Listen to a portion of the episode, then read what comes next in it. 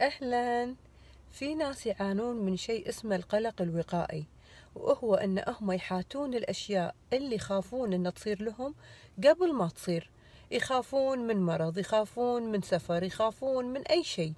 يقومون يقعدون يحاتونه ويفكرون فيه وشلون يصير وشلون إذا ما صار. هذا القلق ما منه فايدة. الأشياء اللي تصير لنا اللي تخوفنا هي قضاء الله وقدره. إحنا ما نقدر نحمي نفسنا منهم. نوكل أمرنا لرب العالمين. 99% من الأشياء اللي نقلق بشأنها ترى ما تصير بس إحنا من الخوف يزيد عندنا هذا القلق. فاحموا نفسكم من القلق الوقائي وخلي يكون عندكم توكل على رب العالمين إن ما أصابنا لم يكن ليخطئنا وما أخطأنا لم يكن ليصيبنا.